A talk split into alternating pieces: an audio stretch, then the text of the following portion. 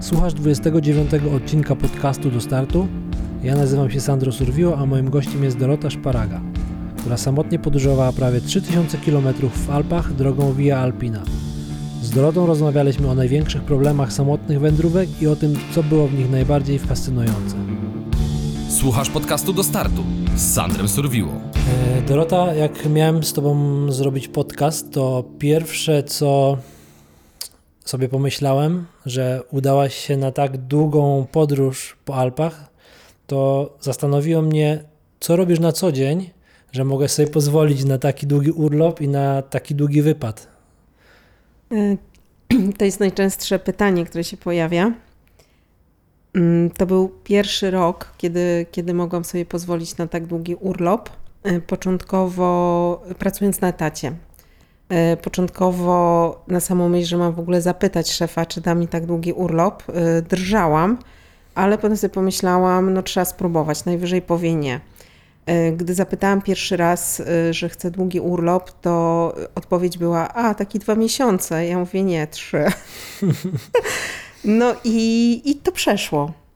A, a jaki argument podałam? Ja zaczęłam sobie tak to racjonalizować pod kątem kobiet, które, które rodzą dzieci. Mhm. Dziewczyna, która rodzi dziecko, jest niedostępna w firmie średnio około roku albo półtora roku.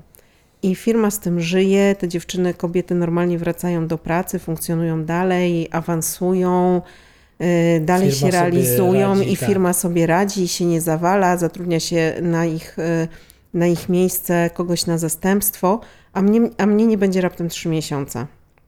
Więc myślę, że to jest kwestia tak przestawienia sobie trochę w głowie, Oczywiście, y, y, im mniejsza firma, tym wydaje mi się, że jest y, mniejszy, większy problem z wzięciem takiego urlopu, no bo wtedy nie ma takiej zastępowalności.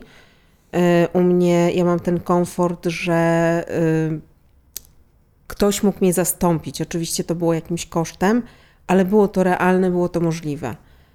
Natomiast wcześniej miałam takie prace, gdzie nawet jak miałam iść na tydzień urlopu, to, to, był, problem. to był problem. I to był ogromny problem.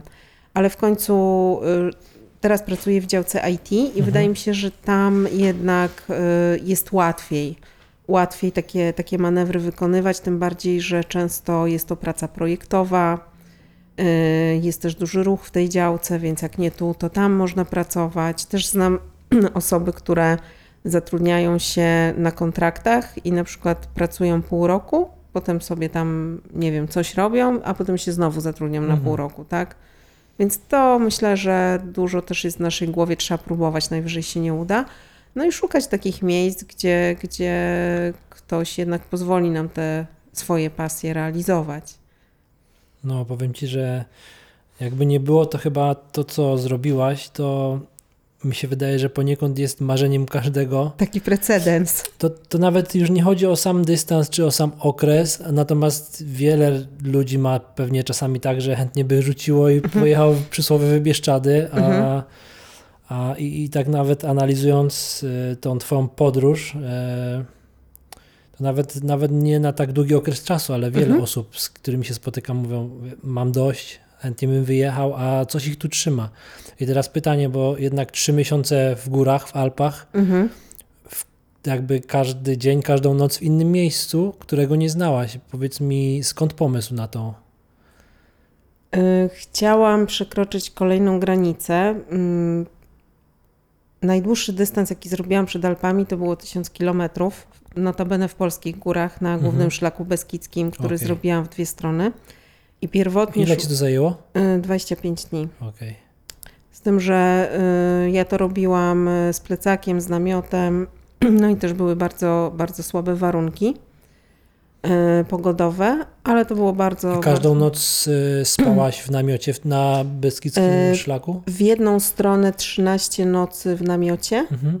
A z powrotem wydaje mi się, że chyba 3 czy 4 noce spędziłam pod dachem. Mhm ale to już były takie, takie momenty, kiedy y, musiałam po prostu się dosuszyć y, albo odbieram jakiś depozyt. Jedna, jedna sytuacja była taka mm, dosyć groteskowa, bo dotarłam do pani, pani broni do luksusowej willi w Węgierskiej Górce o godzinie dziewiątej zmoczona i, i uparłam się, że rozbiję namiot w jej ogródku A pani Bronia się tak na mnie popatrzyła i mówi, dziecko, weź się uspokój. Bo chciałam za, za, zachować czystość tego przejścia, żeby każdy ten nocleg A, był pod okej. namiotem. Natomiast no niestety czasem e, to się przekonałam przy takich długodystansowych wędrówkach e, idziesz na kompromis, no bo no czasem po prostu musisz wysuszyć te rzeczy. No No, tak, nie da się komfort, non-stop tak. iść e, Tak. w czymś mokrym, tak? Albo po prostu najzwyczajniej w świecie musisz się ogrzać. A co do Alp, no właśnie, początkowo znalazłam sobie w ogóle taką trasę w Hiszpanii na 2000 kilometrów, ale Też ponieważ, po górach. Też po górach, tak. Chciałam przejść, e, chciałam przejść e, północ e, Hiszpanii, górę Mhm. e, i jeszcze raz przejść przez Pireneje. ale ponie, tak tam wychodziło 1000 chyba 800 kilometrów. Ale ponieważ w Hiszpanii już byłam, no to zaczęłam szukać innych alternatyw i tak trafiłam na ten szlak Via Alpina. E, On w sumie składa się z e, sieci szlaków pięciu różnych kolorów, łącznie mają 5000 mm, 5000 kilometrów. E, Przy czym ten szlak, który ja wybrałam, ma 2650 i wiedzie przez 8 krajów, a pozostałe cztery kolory, każdy z nich wiedzie przez jeden kraj. Okej. Więc tak wydawałoby się logicznym, że na początek można by było wybrać, e, na przykład połączyć dwa kolory, zobaczyć jak jest w tych Alpach, jak to, jaki teren, Nauczyć się e, tego, tak, tak. nauczyć się tych Alp, jaka logistyka, ale e, potem sobie pomyślałam, że i tak planowanie takiej podróży zajmie mi bardzo dużo czasu, po- poniosę koszty finansowe, czas i że nie ma co się rozdrabniać. Że jak już iść, to tak Na całość. na całość. No i y, na początku, na początku jak y, stanęłam na, na starcie, to wcale mi się to już nie wydawało takim dobrym pomysłem, a raczej wręcz szalonym. To było na tyle trudne, że moja głowa w ogóle nie obejmowała, jak ja tam będę szła. Wiesz, nie, nie potrafiłam sobie zwi- zwizualizować tej sytuacji.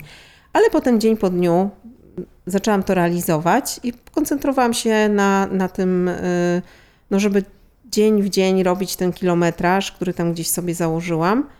I po miesiącu to stwierdziłam, Boże, jaki to był super pomysł, Tak. naprawdę. Powiem Ci, to było coś takiego, że każdy miesiąc to był taki, mm, każdy miesiąc się czymś innym charakteryzował. Pierwszy miesiąc to było takie odpoczywanie od cywilizacji, od tej gonitwy, która była przed przygotowaniem, y, przed wyjazdem, bo to też trzeba pamiętać, że to nie jest tak, że o, jest super, ja sobie teraz trzy miesiące spaceruję po górkach. Żeby sobie spacerować po tych górkach, to musisz najpierw zainwestować kupę czasu przed y, w przygotowanie tej logistyki. Ale było to chyba przyjemne, tak? To takie bardziej... Znaczy, wiesz co, przyjemne i nieprzyjemne, dlatego że de facto cała ta praca się odbywa przed komputerem. No bo trzeba przejrzeć mapy, trasę, zaplanować depozyty, e, zaplanować sprzęt, więc de facto to jest taka praca przed kompem, tak? No, to, co było No, fajne, to treningi. No ale to tak bardziej chyba w takim... E, to że jest masz tak trochę, cel. Tak, cel i to, to E, chyba takie trochę planowanie, jak trochę planowanie wakacji, nie? E, Że już jesteś myślami tam tak, w Alpach tak. i mówisz, kurczę, ale będzie tak, fajnie. Tak, tak, tak. tak. Pod tym kątem, nie? Zgadza się. Natomiast jest to bardzo czasochłonne i bardzo mozolne. Y, No tak przed GSB no to czegoś takiego nie było. No to było tylko zaplanowanie sprzętu i depozytów, a tutaj jednak musisz dobrze rozkminić tą trasę. Y, I tak y, trochę odbiegłam od tematu, ale generalnie ten pierwszy miesiąc to był taki, że odpoczywałam od cywilizacji, schodziło ze mnie to wszystko. Drugi miesiąc to był taki, że właśnie się rozkręciłam i zaczęło mi się już fajnie iść. Mhm. A trzeci miesiąc to już w ogóle wpadłam taki cud, Trans. że jakbym, e, jak tam dotarłam na metę, to mówię tak, kurczę, jakbym miała taki jeden dzień na przeorganizowanie się, czyli e, wymianę rzeczy na jakieś cieplejsze, to, To ja spokojnie mogę tak? iść z powrotem. Okej. I. I organizm, i czułam się i dobrze fizycznie, i psychicznie. E, Nie byłam w ogóle zmęczona, byłam bardzo zmotywowana, żeby, żeby, żeby dalej coś tam robić. Także to mi pokazało, że to, że zrobiłam po raz pierwszy w życiu coś, co jest takie moje. I wtedy wiesz, ten świat ci sprzyja, wszystko się układa. Wszystkie jakieś takie wyzwania, problemy, które się pojawiały Mhm. Wszystko po drodze, pasuje. wszystko się rozwiązywało, wiesz, to, to były różne, no, że nie mam gdzie spać, że nie mam jedzenia, że kasa się kończy. Każdy z tych problemów się jakoś rozwiązywał. I to było takie wow, Super. niesamowite. E, A miałaś taki moment na przykład, e, że chciałaś wrócić albo że chciałaś przerwać, że byłaś zmęczona, miała, miałaś dość w ogóle, ani przez pół dnia? Ani przez sekundę.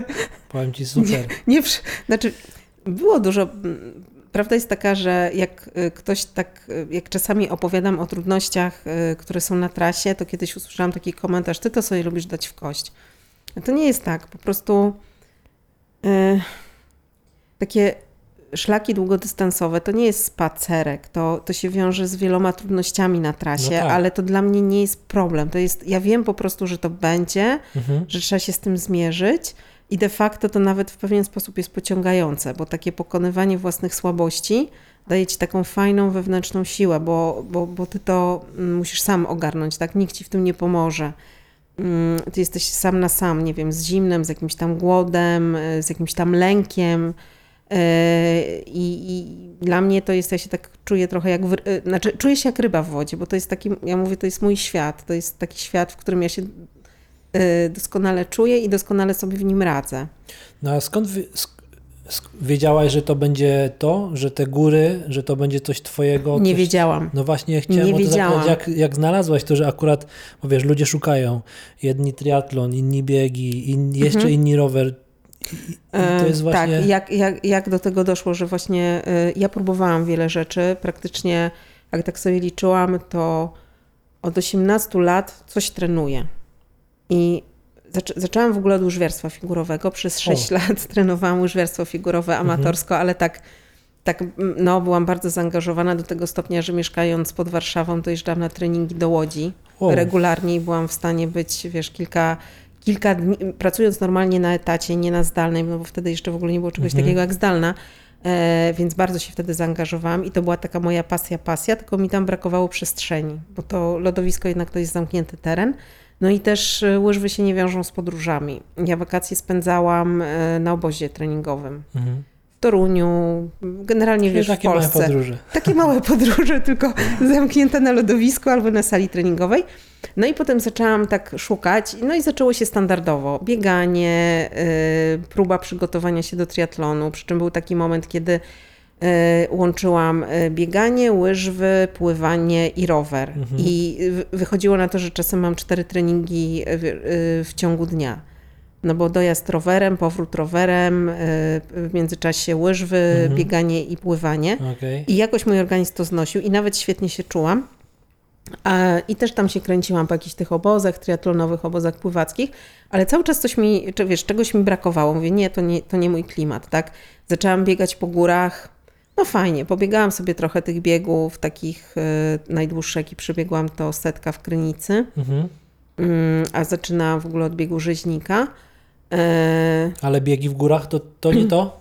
nie, to było za mało, Okej. bo to ja mówię, to, to było takie grzeczne. okej. że okej, sponiewierasz się tam, Czyli że... mimo, że taki duży, intensywny i długi, Tak, można jest- powiedzieć w cudzysłowie długi y, wysiłek, Bo to jest, y, dla mnie to jest intensywny wysiłek, No ale właśnie. on jest krótki. no tak. I on jest obarczony tym, y, że najpierw przyjeżdżasz w jakieś miejsce, jesteś w fajnym miejscu, ale nic w tym miejscu nie robisz, bo musisz odpoczywać, bo masz następnego dnia start. No Start.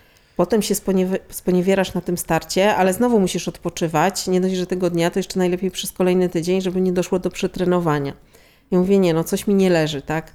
E, za dużo też cywilizacji w tym było. Też brakowało mi to, co jest, co mnie bardzo pociąga w tych mm, długodystansowych wędrówkach, to ta logistyka, że ty sobie wszystko planujesz, y, że masz tą niezależność, bo masz ten namiot, masz ten plecak, masz te wszystkie klamotki ze sobą.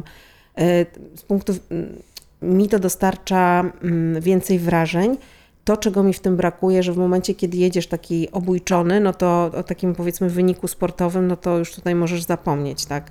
No, No bo tak. jeżeli chcesz coś zrobić szybko, no to musisz biec i do tego mieć support. No tak. No ale to wtedy mi odbiera tą, tą część y, te- tej samodzielności, że, że, że to jest jednak, mm, y, że, że ja sama sobie to wszystko ogarnęłam, sama to przygotowałam, więc zależy co kto lubi, tak? No ja akurat lepiej się w tym odnajduję i to, co też jest fajne w tych wysiłkach y, takich długodystansowych, że y, ja mogę być bliżej natury, a przy biegach górskich to było tak, no jestem bliżej natury Ale przez ci 10, biegacze tak. tak, po pierwsze y, to trwa, nie wiem, 12-16 godzin.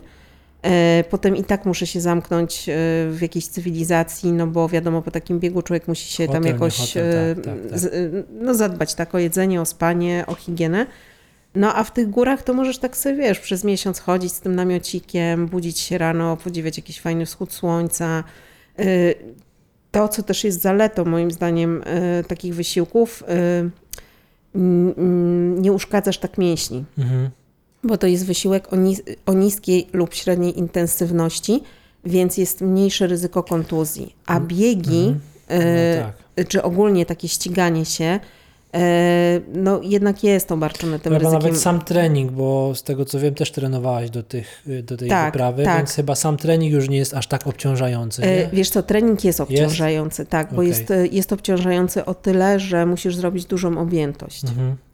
E, I te treningi, może e, nie robisz treningów w trzecim zakresie, więc de facto, ale musisz też bardzo uważać. Mhm. I to, co też e, dodatkowo moim zdaniem trzeba robić i na co położyć nacisk, trening siłowy. Mhm. Więc tutaj naprawdę trzeba dobrze kombinować, żeby nie dopuścić do jakiegoś Ktoś przetrenowania. ci rozpisywał ten trening albo teraz rozpisuje, tak? Ktoś... Tak, to znaczy ja trenuję z mm, Karolem Henningiem z Formy na Szczyt. Ja ich poznałam dwa lata temu. E, oni przygotowują ludzi pod wysiłki, e, pod góry wysokie. Mhm. Generalnie większość, większość ich klientów to są e, albo osoby, które chcą biegać po górach, albo osoby, które chcą zdobywać szczyty. Ale też już zaczynają właśnie szukać takich klientów jak ja, czyli, czyli pod takie wysiłki długodystansowe. E, Mają ogromną wiedzę, dlatego wiesz, ja już mam sporo wiedzy, tak, bo ja też się dokształcałam sama, dużo trenowałam, więc teoretycznie mogłabym się sama trenować. Tylko problem jest taki, że jak się zacznę sama trenować, to się zajada. Tak, no bo nie, nie widzisz tego z boku. Nie widzę tego z boku. A wydaje ci się, że jest mało, albo odpuściłaś, bo Tak, nie wiem, e, czasami ci się nie chce, a, a to jest, a organizm daje ci znać. A ty E, wychodzisz, masz dokładnie. wyrzuty sumienia, kurczę, miałem zrobić trening, nie zrobiłam, to może nadrobię. Dokładnie, więc, więc to ten, jest y, kontrola tego treningu, y, ale też ja to traktuję jako taką formę rozwoju, tak? No bo każdy trening, y, y, każda konsultacja to jest dla mnie rozwój, bo ja się dowiaduję, a dlaczego tak, a, nie, a, a dlaczego nie inaczej. Chociaż ja akurat mam teraz taki trening, którego, mm, ponieważ ja mam już zrobioną bardzo dobrą bazę. Y, I u mnie roz, teoretycznie, jak przygotowujesz się pod takie wysiłki długodystansowe, to powinieneś tylko robić bazę, bazę, bazę. No bo generalnie będziesz szedł w tych górach No tak. na w pierwszym zakresie, maksymalnie w drugim nie więcej, bo musisz oszczędzać energię. Nie możesz sobie pojechać na, na, na, na, tak. na glukozie, tak? Bo, bo, nie masz jak jej uzupełnić. Ale z racji tego, że ja teraz moim celem jest poprawienie tempa, no to ja trochę inaczej trenuję. Okej, Już, okej. już jakby potrzebuję takiego treningu odbiegającego od reguł. Y, Robię trening siłowy trzy razy w tygodniu, co normalnie powiedzmy, że to, mówi się, że to jest za dużo, no ale w moim przypadku... Trenujesz codziennie? Z jakąś tam przerwą? e, W zasadzie mam jeden taki dzień totalnie Luzu. regeneracyjny, tak. A tak skacząc, y, bo już wywołałaś ten temat, skacząc y, na inny temat, y, na, podczas takiego długiego wysiłku, jak y, wygląda Twoja dieta? Y, Węglowodanowo-tłuszczowa, bardziej tłuszczowa, jak to? Mm, Czy, czy jesz co masz? Nie, nie, nie. Znaczy przede wszystkim e, już od GSB e, zaczęłam, postawiłam też e, na jedzenie i konsultowałam się z dietetykiem. No to będę też akurat właśnie z formy na szczyt. Mhm. e, z Martą Naczyk, e, żeby mi ułożyła takie jedzenie zbilansowane. Mm, Jedna rzecz no to kalorie, ale druga rzecz też, żeby tam była odpowiednia ilość białka, węgli, tłuszczy, ale też suplementacja, bo przy Okej. takich wysiłkach trzeba stosować suplementację. E, O ile na GSB to miałam żarełko full wypas, e, same takie zdrowe rzeczy, nie było tam żadnych śmieci typu sneakersy. E, Przy czym ja nie jem mięsa, więc też e, no tutaj jest trochę trudniej, ale spokojnie, no mówię, na GSB to ja miałam po prostu niesamowicie dobre to jedzenie, stół. bo ja sobie wysyłałam depozyty e, i ja miałam, e, no tak, miałam tam, już nie, nieważne co inne dni, jak to ale wygląda, jak wysyłasz depozyt, to co, pakujesz paczkę, Mhm. piszesz maila do schroniska, czy do miejsca, do którego wysyłasz i oni ci to odkładają i to na tak, ciebie czeka? Tak, Okej. tak właśnie robiłam, tylko w. Polsce to jest proste. E, Tą samą technikę próbowałam zastosować w Alpach.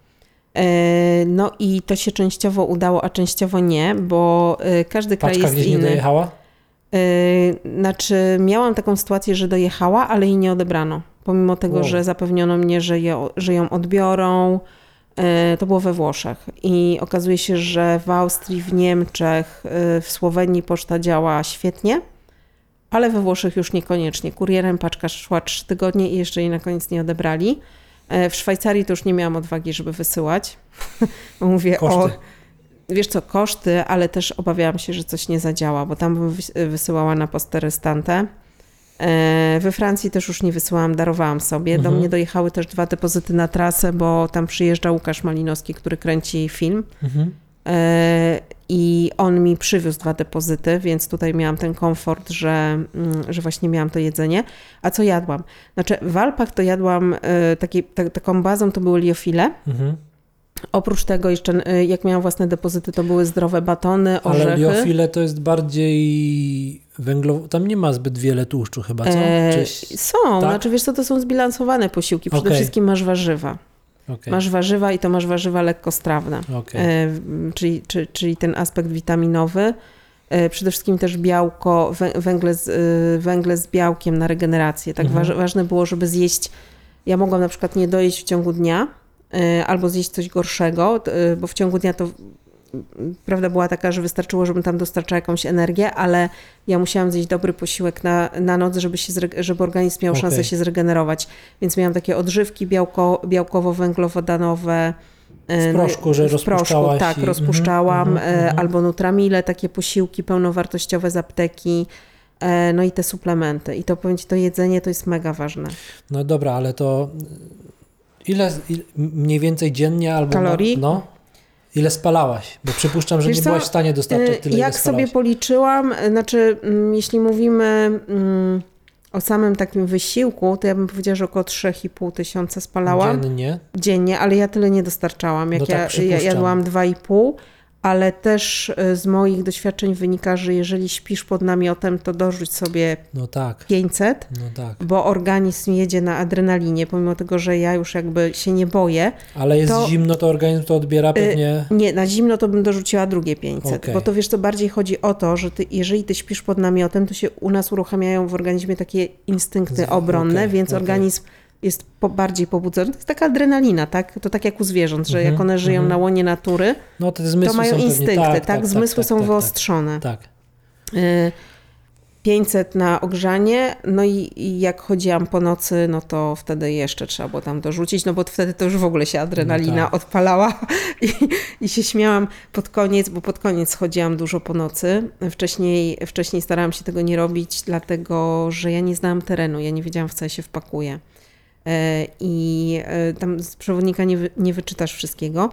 Natomiast jak pod koniec zaczęłam chodzić po nocach, to stwierdziłam, Boże, jak ja bym tak wcześniej to zaczęła robić, to ja bym tą Alpinę zrobiła, wiesz, 20 dni szybciej. A miałaś tak, że założyłaś sobie, że dziennie przechodzisz, nie wiem, tyle, tyle godzin albo tyle i tyle kilometrów? Miałaś to wpisane, że musisz przynajmniej tyle przejść? Ja miałam cudowny plan rozpisany. Czyli co do dnia, Tak, tylko plan się rypł. tak? Dlatego, że W którym momencie? y, na samym początku, dlatego że okazało się, że mm, pie- pierwsze dwa dni to w ogóle walczyłam z nawigacją, bo y, to zawsze tak jest, że początek szlaku i koniec jest dużo gorzej oznaczony. Y, Ja miałam jakieś traki, ale te traki były nieprawidłowe, więc y, w locie ogarniałam jeszcze jakieś inne traki, inną nawigację, sporo czasu tam straciłam na błądzenie. Też byłam troszkę zmęczona po podróży. To jest no, to, to, że tam pierwsze dwa dni błądzę, to już jest taki standard, bo jeszcze, wiesz, przychodzisz taki, wychodzisz z tego samolotu taki oszołomiony, nie wiesz, co się dzieje w ogóle. Y, Uczysz się tak naprawdę, przypominasz sobie, jak to jest tak sobie chodzić w obcym miejscu. Boże, straci... Aha, a propos tego planu. No i, i było tak, że ja sobie założyłam bezpiecznie 30 tam kilometrów dziennie. No to Mhm. wydaje się, że to jest bezpieczne, tak? Mhm. Ale okazało się, że nie, nie do końca, bo y, przewodnik mówił, że to jest 2650 km, a mi wyszło prawie 3. Wow. Więc, y, więc y, okazuje się, że przewodnik był niezaktualizowany, niedoszacowany. O kurczę. Czasami na przykład było tak, że było napisane, że y, nie wiem, masz 1000 metra, metrów przewyższenia, a potem nagle ci jakaś przełęcz wyrastała przed nosem. O. Bo ktoś nie, było dużo niespodzianek. Potem to już się nad A tym nie masz, denerwowałam. masz gdzieś y, albo nagry, nagrywałaś, Mm. miałaś na przykład przyrząd, nawigację czy zegarek, który pokazuje jaką drogą szłaś dokładnie? Tak, mam, mam traki na, y, mam zapisy, jednego dnia tylko nie mam. A na E, czym to, e, na jakim portalu? Rejestr, y, na, y, Boże, na Garmin, na A, Garminie. na Garmin Connect. Na Garmin Connect, tak. Okej. Mam zapisy każdego dnia, e, jak to wyglądało. E, Generalnie rejestrowałam to za pomocą zegarka i GPS, ale GPS oszukiwał, bo był w, był w trybie oszczędnym i wtedy e, on po prostu z, e, głupieje, no co tu dużo mówić, ale GPS to był w innym celu. No, GPS był po to, żeby mm, Szukać e, drogi. znaczy, żeby mieć traka awaryjnego. Mhm. E, tak, to w zasadzie taki był jego cel. E, także to wszystko mam zarejestrowane. Jak tak opowiadasz, e, to nasuwa mi się pytanie, nie bałaś się? Nie.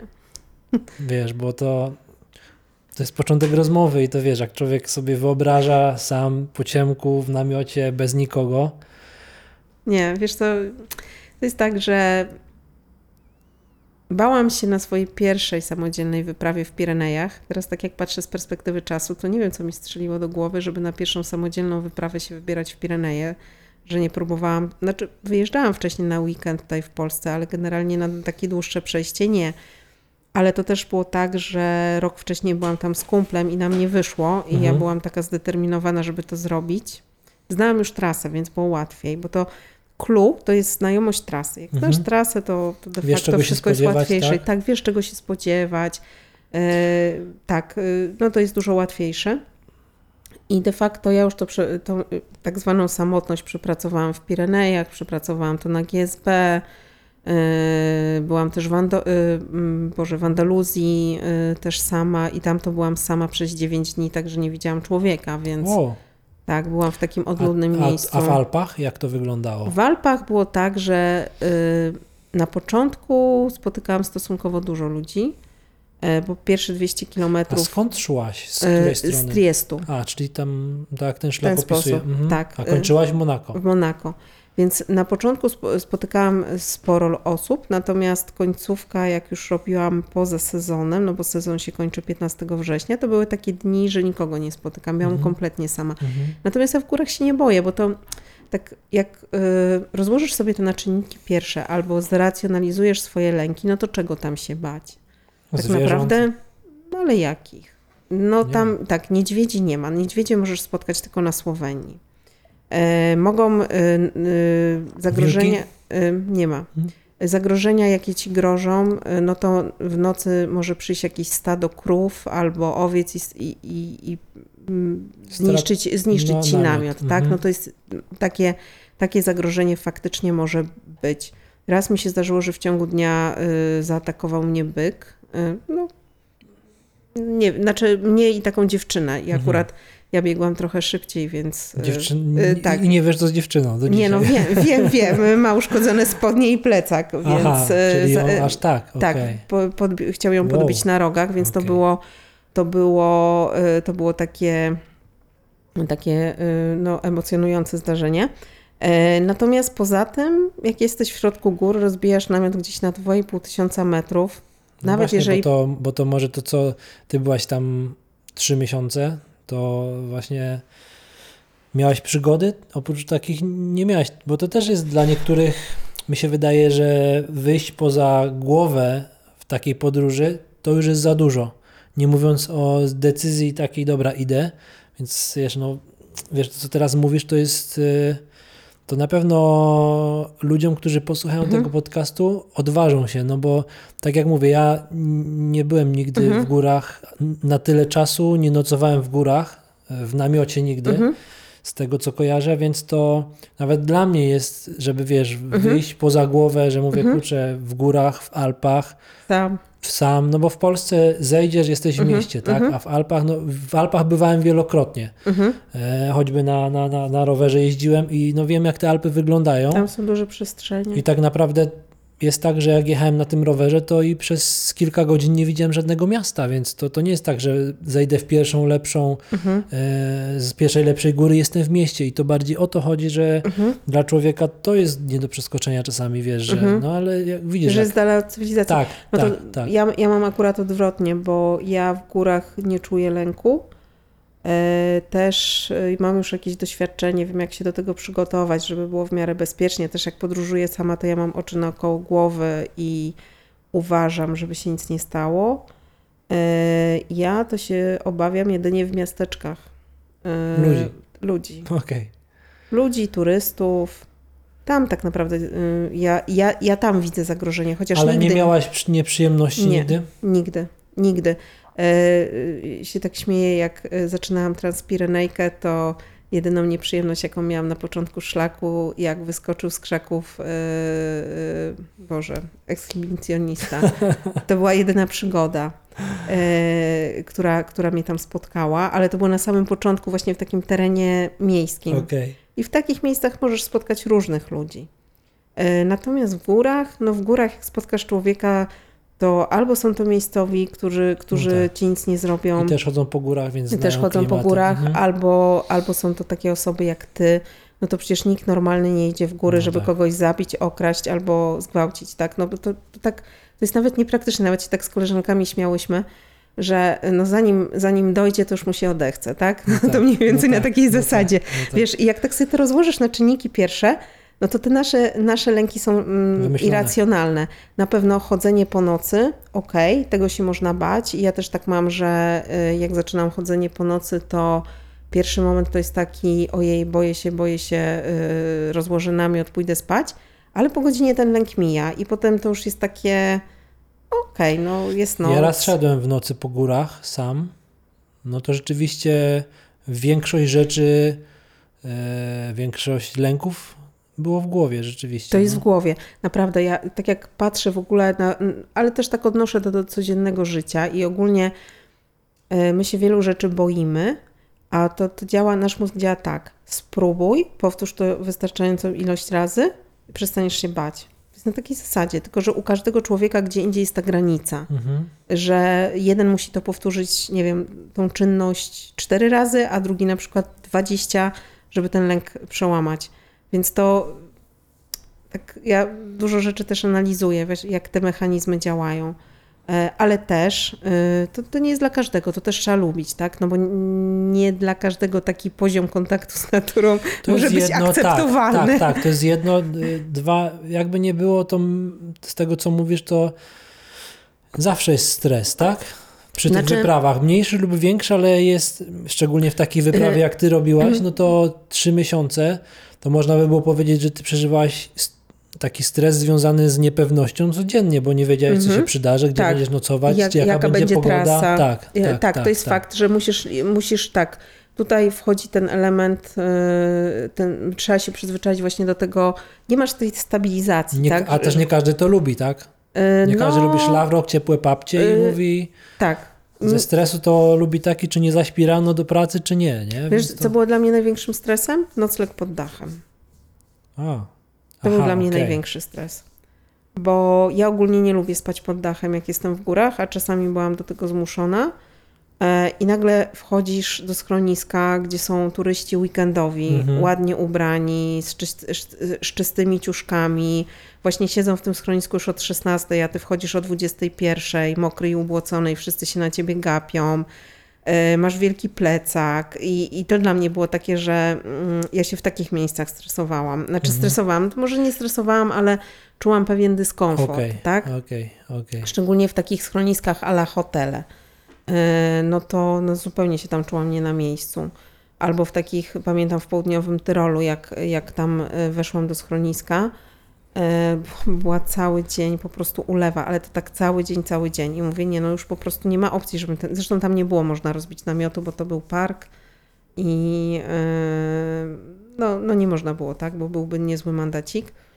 E, I weszłam do tego schroniska i do dzisiaj pamiętam, że ja, wiesz, e, nie miałam, nie miałam rzeczy, e, bo ja miałam wszystko zmoczone. Mhm. Idę, idę do restauracji, a jestem w krótkim rękawku i spódniczce biegowej i w klapkach. I ta pani tak wychodzi i tak się na mnie pa, a wszyscy poubierani w jakieś polary, Mhm. w ciepłe spodnie i wszyscy się na ciebie patrzą, no bo jesteś takim odmieńcem, tak? E, także takie sytuacje były dla mnie A stresujące. na przykład po takim dniu, gdzie lało, byłaś w tym schronisku, e, Mhm. Rzeczy ci zdążyły wyschnąć? Nie zawsze. Zależało. Były schroniska, w szczególności w Austrii jest dobra infrastruktura, gdzie były suszarnie i to A. wszystko fajnie wysychało. Okej. E, W Szwajcarii to była masakra. W Szwajcarii dwa razy tylko nocowałam e, w jakichś pensjonatach, bo e, w schronisku jednym niestrzeżonym, ale tam też mi nic nie wyschło. Mhm. W takich płatnych, chociaż to też było płatne, ale w takich powiedzmy z obsługą nie nocowałam. Ale ogólnie z tym wysychaniem rzeczy to było słabo. No, bo chyba nie ma nic gorszego niż na dzień dobry założyć zimne, mokre ciuchy, co? Zgadza się. To, no, to jest. e, To po GSB, to na GSB to przećwiczyłam, ale na GSB to, tak jak teraz patrzę z perspektywy, no to tam przede wszystkim było ciepło, e, bo masz inną wysokość i było mokro, ale Aha. ciepło. Okej. A tutaj wyobraź sobie, że budzisz się, jak miałam taką sytuację, że nocowałam w takich ruinach yy, jakiegoś na, na 2200 chyba. W nocy był przymrozek yy, i yy, ja jak wieczorem kończyłam, to był deszcz, więc wszystko jest mokre. Ty yy, no, jakoś tam prześpisz się i, i rano wstajesz i musisz te mokre rzeczy założyć, a wiesz, że jeszcze przez dwie godziny będzie zimno, zanim słońce wyjdzie i cię ogrzeje Mm. no to były takie momenty trudne, ale z drugiej strony no też czekanie y, dwie czy trzy godziny, aż się zrobi ciepło, też nie miało sensu, tak? Więc y, no, to były takie... Najtrudniej właśnie było wstać. Ale potem to już nawet zauważyłam coś takiego, że mózg tak się przyzwyczaił do tego poczucia zimna, Mhm. że jak wróciłam do Polski, to ja dopiero y, rejestrowałam, jak, że mi jest zimno, jak się zaczynałam trząść. A, A wcześniej już po prostu było tak, okej, jest mi zimno, ale okej. mózg już w ogóle, wiesz, jakby nie rozpoznawał tego zjawiska, że jest mu Okej. zimno. okej. I to jest takie, wiesz, mnie to właśnie fascynuje, taka obserwacja, co się dzieje z twoją fizjologią. Mhm. To jest niesamowite. Oczywiście, oczywiście to jest tak, że, że y, mm, pewnie dużo osób by stwierdziła w którymś momencie, po co się tak męczyć, ale ja miałam na tyle silną motywację, ja wiedziałam, że to jest jedyna szansa, żeby to zrobić. E, I za rok już może nie być tej szansy, więc w ogóle takie myślenie, żeby zejść ze szlaku, bo jest mi zimno, bo jestem głodna, no po prostu nawet, nawet się ono nie pojawiało przez sekundę. To raczej było takie nastawienie: OK, jest mi zimno, no dobra, to trzeba się szybciej ruszać, żeby mi było ciepło. Jestem głodna, no trudno, no to jestem głodna, tak? Okej. E, No, no co zrobisz, tak? Mm, Gdzieś tam za ileś czasu będzie to jedzenie, tak? Także takie nastawienie, nastawienie na cel. Ale to, to też powtarzam, że jeżeli robisz takie wyzwania, to sobie najpierw dobrze przemyśl w głowie, czy ty na pewno jesteś na to gotowy Mhm. e, i po co to robisz. Czy to robisz dla siebie, czy, czy, czy dla No kogoś? właśnie, no Bo właśnie, jeżeli w twoim- to robisz dla kogoś, to No raczej się to nie uda. przypadku, ja to robię dla siebie. no właśnie po co, nie? Bo to Bo chcę coś przypadku. w życiu przeżyć. Mhm. Chcę coś w życiu przeżyć. Dla mnie to były najpiękniejsze y, trzy miesiące mojego życia, najciekawsze. E, Uwielbiam ten kontakt z naturą, szukam też granic swoj, swojej fizyczności, gdzie będzie ten moment, że ja pójdę w te góry i powiem sobie, ok, jest dość, ja chcę wracać do Odnalazłaś, cywilizacji. odnalazłaś tą granicę, czy Nie. jeszcze jest, Nie, y, ewidentnie jest jeszcze E, gdzieś tam? Tutaj była, tutaj była wielka niewiadoma, bo ja nie wiedziałam, co się stanie. Czyli jak mój organizm się zachowa, Mhm. e, czy nie złapię żadnej kontuzji, czy nie będę zmęczona, Mhm. czy nie złapię anemii. A teraz już wiem, że nie. Że, że to działa, tak? Czy ja zresztą jak wróciłam do Polski i zrobiłam badania takie No specjalistyczne, no, to się no. okazało, że mam wyniki bardzo dobre i w Badania ogóle krwi, nie tylko, też serca. wydolności, aha, okej. E, Wydolnościowych nie. E, Okej. Badania serca, takie z oznaczeniem markerów świadczących o uszkodzeniach w Mhm. organizmie. I nie było widać, że ja jestem po jakimś. Widać było, że jestem po jakimś wysiłku, ale, ale nie, nie po takim. Czyli organizm, z tego co mówisz przy takich długich wysiłkach, raz, że organizm się dostosowuje, Dostosował się. a wcześniej co powiedziałaś, to tak naprawdę psychikę też można oswoić, co? Można. Takiego. Naprawdę, to jest, to jest trening mentalny, tak? To jest, e, ale to jest tak samo w życiu, tak? Nie wiem, zmieniasz pracę, to też wychodzisz ze strefy komfortu. tak. Zmieniasz coś w swoim życiu prywatnym, zmieniasz miejsce zamieszkania, zmieniasz status. Y, Każda z tych rzeczy to jest wychodzenie ze strefy komfortu. Mhm. Każdy z nas się musi przyzwyczaić do tej nowej sytuacji. No tylko teraz też pytanie, czy to trzeba się dobrze zastanowić, czy rzeczywiście jesteś gotowy na takie wrażenia i na taką niepewność codzienną. No tak, no ale jeżeli zadasz sobie pytanie, to mm, ta strefa komfortu stwierdzi, no chyba nie jestem gotowy jeszcze, nie? Czy gotowa? Tak mi się wydaje, nie? Jak za, zaczniesz sobie zadawać zbyt dużo pytań, no to pewnie ten komfort powie ci, no nie jesteś gotowy, poczekaj jeszcze, nie? To tak, Y, tak, może tak być. czasami Y, chyba lepiej podjąć decyzję i potem się martwić Znaczy- albo działać na to, co przyniesie los. Znaczy, warto na pewno sobie gdzieś tam stawiać te takie wyzwania, tak jak ja tutaj mówiłam, że mój, moja głowa nie była w stanie tego zwi- zwizualizować, czyli znaczy, że jest to coś, co będzie dla ciebie bardzo trudne, bo ty nie jesteś w stanie sobie tego wyobrazić. E, Ale ja się bardzo cieszę, że ja się zdecydowałam, bo ja widzę, że ja przekroczyłam tą granicę, że jest to możliwe, że to jest tylko kwestia e, tak naprawdę odwagi. Czy się na to zdecydujesz, czy nie? Mhm. A w, na co dzień masz problem z, podejmo, z podejmowaniem decyzji o wychodzeniu z tej strefy komfortu? Jak to u ciebie jest? Powiem tak, y, mm, takie decyzje, jakieś tam różne zmiany w swoim życiu, y, mam za sobą różne, różne zmiany w życiu i y, Ta decyzja u ciebie zapada łatwo? Mm, powiedziałabym, mm, to jest trudno, tak, ale mimo wszystko robisz to? ja ją robię. Tylko jest kwestia, w jakim czasie ją zrealizuję, natomiast widzę, że ten czas podejmowania takich życiowych decyzji się skraca. Mhm. że kiedyś więcej czasu potrzebowałam na, na to, żeby coś w swoim życiu diametralnie zmienić. Z pracą nie miałam tylko problemu, bo z pracą to było tak, że okej, y, nie chcę już tutaj pracować, szukam nowej roboty. No to co dwa lata zmiana pracy to u mnie był taki standard. Mhm. I y, bo ja się nudziłam, bo ja już y, mówię, nie, no zamiast myśleć, że na przykład w danym miejscu awansuję, to mówię, nie, nie, nie, ta praca już mi się nie podoba, już się nudzę, potrzebuję jakichś wyzwań, potrzebuję adrenaliny, no to bach, zmieniałam pracę. I tak robiłam, robiłam, a w którymś momencie stwierdziłam, że już te zmia- zmiany pracy mnie nie bawią. Znaczy, Okej. dalej, znaczy dalej się rozwijałam, dalej się kształciłam, ale tylko po to, żeby mieć właśnie taką pracę. E, Zmieniłam jakby priorytety, że zmieniam pracę po to, żeby mieć czas na swoje pasje, żeby nie Mhm. pracować po godzinach, żeby nie pracować w miejscach, gdzie jest mobbing, bo takie, takie przygody też miałam. E, tylko mieć taką pracę, która ci pozwoli normalnie żyć. E, I, I udało mi się to w końcu. E, Natomiast e, tak, robiłam takie zmiany i teraz widzę, że im dalej w las, tym, Tym łatwiej podjąć tak, decyzję. a, a powiem Ci, że po takich wysiłkach właśnie fizycznych, wbrew pozorom, ta Twoja mm, mm, umiejętność czy tam otwartość na zmiany rośnie. Bo ym, to po raz kolejny się przekonuje, że jak y, człowiek się zmierzy z własną fizycznością i ją pokonasz, to daje ci to ogromną siłę, bo tak wracasz tutaj i mówisz, i mówisz sobie tak, okej, y, byłam zmęczona, dałam radę, było mi zimno, dałam radę, no to w życiu codziennym też dam radę, jak jeszcze masz tak zwane ułatwiacze, tak? No bo mamy dużo ułatwiaczy w życiu codziennym. No tak. No, I tak, mamy tak, tak. zapewnione podstawowe potrzeby. Nie musisz walczyć. Otwierasz lodówkę, masz jedzenie. Tak, Tak, a w górach tego czasami A nie tego ma. nie, masz. No po prostu jak y, wielokrotnie stałam, y, szczególnie pod koniec, y, z takimi dylematami, że wchodzisz do sklepu i na przykład nie możesz wszystkiego kupić, bo po pierwsze nie masz na to pieniędzy, a druga rzecz musisz to dźwigać. Więc, więc de facto sytuacja typu ojej, nie kupię sobie jogurtu, bo ma za mało kalorii y, i kupię sobie sneakersa No tak. i jest za drogi, wiesz, y, patrzysz sneakers versus cena jogurtu, nie, nie, nie, to się nie opłaca. Potem nagle wracasz do domu, otwierasz lodówkę i stoisz przed nią 5 minut, o Jezu, ale fajnie, mam mnóstwo jedzenia. I nagle zaczynasz, i to co jest też właśnie fajne w górach, że cieszysz się z takich małych rzeczy. Na co dzień my się z tego nie cieszymy, bo mamy wszystko na wyciągnięcie ręki.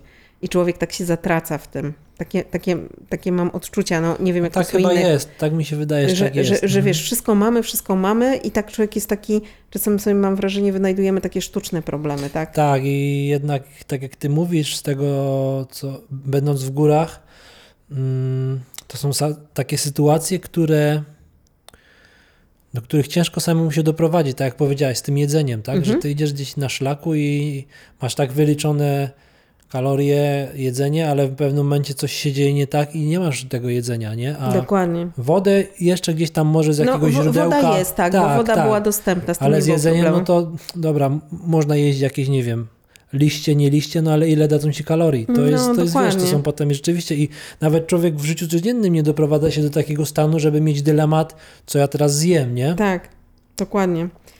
Y, No zakładając, że masz, no tak, że masz pracę, że, że, tak, że, tak, że, że masz jakby za, możesz, za, tak. zapewnione te podstawowe y, Znaczy, potrzeby no inaczej, no, tak, tak, no z drugiej strony rzadko się zdarza, no bo jeżeli ktoś ma dwie zdrowe, No tak, ręce, to, to sobie to- zarobi. to choćby, nie wiem, pójdzie i, i zarobi tymczasowo, tak? Mhm. Natomiast rzeczywiście nie zdawałem sobie nawet sprawy, że są takie sytuacje w górach. Jest mnóstwo. E, Powiem Ci, na GSB nie głodowałam, no bo na GSB miałam depozyty, y, nawet jakby coś nie poszło, miałam schroniska, miałam wszystko. Natomiast w Alpach jest tak, że Alpy wcale nie są tak cywilizowane, jak mi się wydawały. To są jednak ogromne przestrzenie. E, Sklepy, tak naprawdę taka infrastruktura sklepowa to była tylko na pewnym odcinku szwajcarskim, że ja dzień w dzień miałam sklep, Mhm. ale poza tym to miałeś albo pensjonat, gdzie było albo jakieś y, kafejki, gdzie było strasznie drogo Mhm. i okazało się, że y, jedyne co, y, co, na co mnie było stać to jest na przykład piwo, bo kosztowało tam 4 euro. Okej. A jak sobie raz zamówiłam omlet, to zapłaciłam w sumie chyba tak, za, za jeden omlet zapłaciłam 20 euro. No a, a ile się najesz tym No omletem, tak. wiesz? No tak. No to po prostu masakra. E, więc ja jak były, by, było, e, były sklepy, to już do tego stopnia, że nawet kawę tam kupowałam, bo mi się bardziej tą kawę opłacało kupić tam niż w jakimś schronisku. Czyli to nie jest tak kolorowe, jak Nie niektórzy. jest tak Nawet mi się wydawało, że to jest, wiesz, schodzisz ze szlaku, kupujesz, idziesz dalej, nie? To Mm, tak, no, wiesz, przy- no, ja jednak byłem w Alpach w jakimś odcinku, tak? Ale to To tak, rzeczywiście... to tak nie działa, to tak nie działa, bo ja szłam przez 8 krajów, przez różne masywy. Szlaki długodystansowe są tak skonstruowane, że one nie idą tylko przez te miejsca takie popularne, gdzie Mhm. masz super infrastrukturę, tylko też idą, no takie, ja to mówię, takie łączniki, że też przechodzą przez takie miejsca, gdzie tych Mhm. turystów nie ma, albo te miejsca są mniej atrakcyjne, bo właśnie tam nie można wjechać kolejką, tam nie ma schroniska co, co 10 kilometrów. E, A poza tym ja też zderzyłam się z tym e, Alpy po sezonie. Ja, nie, ja jakby A w nie jakim wiedziałam, co okresie to szłaś? W znaczy. jakim okresie szłaś? E, 10 lipca wystartowałam, a skończyłam 11 października. Sezon w Alpach się kończy 15 września. E, Ja na końcówce trafiłam w, Al- e, w Alpy Maritimskie. To są taki, takie, taki masyw, gdzie poruszasz się pomiędzy 1800 a 2,5 i masz tylko schroniska, które są pozamykane.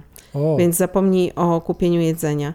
Ja kupiłam jedzenie e, po drodze tylko dlatego, że zeszłam ze szlaku i doszłam po prostu do jakiejś miejscowości takiej turystycznej i tam zrobiłam jakieś zapasy. mhm. E, Ale tak, to byłabym e, ugotowana. A i tak tych zapasów nie robiłam tyle, żeby mieć tego jedzenia na full. E, Więc e, no, to był taki moment, że no były takie, takie dni, że, że na przykład pamiętam dzień, kiedy 50 km przeszłam na trzech czekoladach, bo to już było coś, co mi zostało. No to trzy czekolady to masz 1800 kalorii. No tak. I dopiero wieczorem dotarłam do miasteczka, gdzie, gdzie mogłam coś, e, coś zjeść. Także no końcówka była ciekawa. Ale były takie momenty, że z braku jedzenia byłaś słaba, czy już organizm na tyle potrafił sobie radzić, że czułaś, że jesteś troszkę słabsza, ale to był taki normalny stan? Y, Powiem ci, y, to mm, nigdy nie doszło do takiego, y, nigdy nie byłam w takim stanie, żeby to był jakiś stan, żebym zemdlała, Mhm. albo żeby mi spadł cukier na tyle, że, że muszę usiąść, ale też ja zawsze miałam jakieś tam takie małe rezerwy tych węgli z, z białkiem, więc nawet wystarczyło tam przyjąć tego 100 gram, żeby tam cokolwiek Mhm. było. Y, Więc takich zjazdów, zjazdów nie. Jak miałam mniej jedzenia, to się oba, ob, objawiało spadkiem tempa, no i to, to wtedy była walka z psychiką, bo nie Mhm. masz siły, No tak. idziesz kroczek za kroczkiem i wiesz, że kurczę, no nie przyspieszysz, bo nie masz z czego przyspieszyć, Okej. A z drugiej strony się nie położę i nie będę czekać, no bo na co, tak? No, Aż no, ktoś przyjdzie i mi da jedzenie. także, także, ale, ale y, też organizm się zaadoptował, bo pamiętam, że ostatnie dni robiłam 3 dni po 50 km, jeden, jeden 58, a z tych 4 dni tylko ostatniego dnia miałam full jedzenia, a te 3 to były na tak 2000, Okej. może 2200 i to też y, tak, że już ten organizm sobie, sobie dawał radę. A z kolei jak już dostałam dobre jedzenie, to tak sobie obliczyłam, mm, że na koniec to myślę, że już byłabym w stanie robić takie dystanse około 6 dych. Jakbyś mi dał dobre jedzenie, może nawet 65. No kwestia była taka, że długość dnia, więc... y, Okej. To, to cię ograniczało to, jedynie. Tak, że, że musiałabym to chodzić po nocy, ale jakbym była w takiej formie, y, jak byłam na końcu, no to myślę, że te 60 Spokojnie. kilometrów, 50-60 to, to Okej. dawałoby radę. Okej. Także to też taka ciekawostka była. No, można by. I co, jak, schodzi, jak zeszłaś ze szlaku, ten szlak schodzi bezpośrednio do Monako Bezpośrednio do Monako. i no tam ciepło. Ciepło. E, tak, ostatni dzień, ostatni dzień był w ogóle, miałam przepiękną pogodę i faktycznie schodzisz do samego Monako. Zakończenie jest na placu przed e, pałacem. Okej, E, i- okej. Tam przy, przy kasynie, tak? To jest ten, Nie, nie, nie, ten. nie, kasyno jest w innym miejscu. Okej. Tam jest pałac, gdzie, gdzie mieszka ten książę, Aha, okej. jacyś strażnicy i ja marzyłam o tym, żeby ostatniego dnia zrobić 35 kilometrów, wejść tam za dnia, powiedzieć coś mądrego na mecie. Skończyło się tak, że zrobiłam 58, okej. dotarłam... Czyli, czyli szybciej, to czy przyspie- przedłużyłaś sobie E, ten dzień?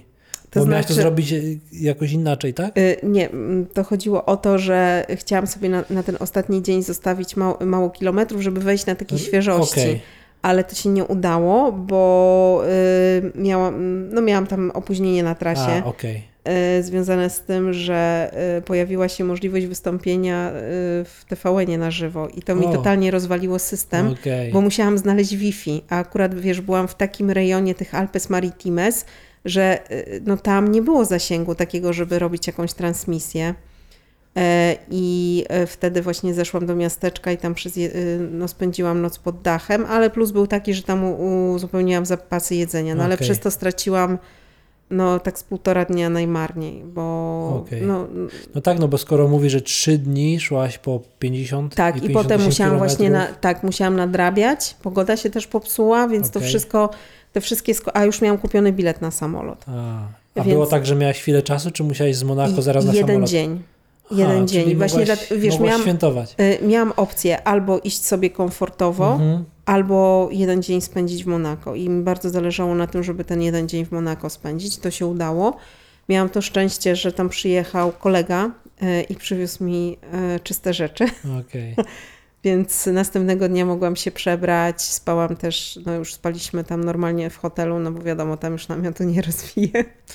No tak naprawdę chyba zejście do tego Monaku to jest takie zwieńczenie, nie? Tego wysiłku. Jest, aczkolwiek y, ja na końcu y, myślałam, że to, ta końcówka to będzie lekka, y, łatwa i przyjemna. Okazało się, że nie, bo Mhm. No potwierdziło się to, co wielokrotnie zauważam na szlakach długodystansowych, że końcówki są słabo oznaczone, w Mhm. szczególności w miastach. No i tak właśnie było z tym Monako. Okej. O 17.30 miałam do przejścia jeszcze tylko chyba 17 kilometrów, a zajęło mi to mm, 4,5 godziny. Wow. Bo błądziłam, po prostu błądziłam. Bo schodzisz y, pomiędzy takimi małymi miasteczkami i tam Mhm. już jest zabudowa, musisz kluczyć Okej. pomiędzy tymi uliczkami.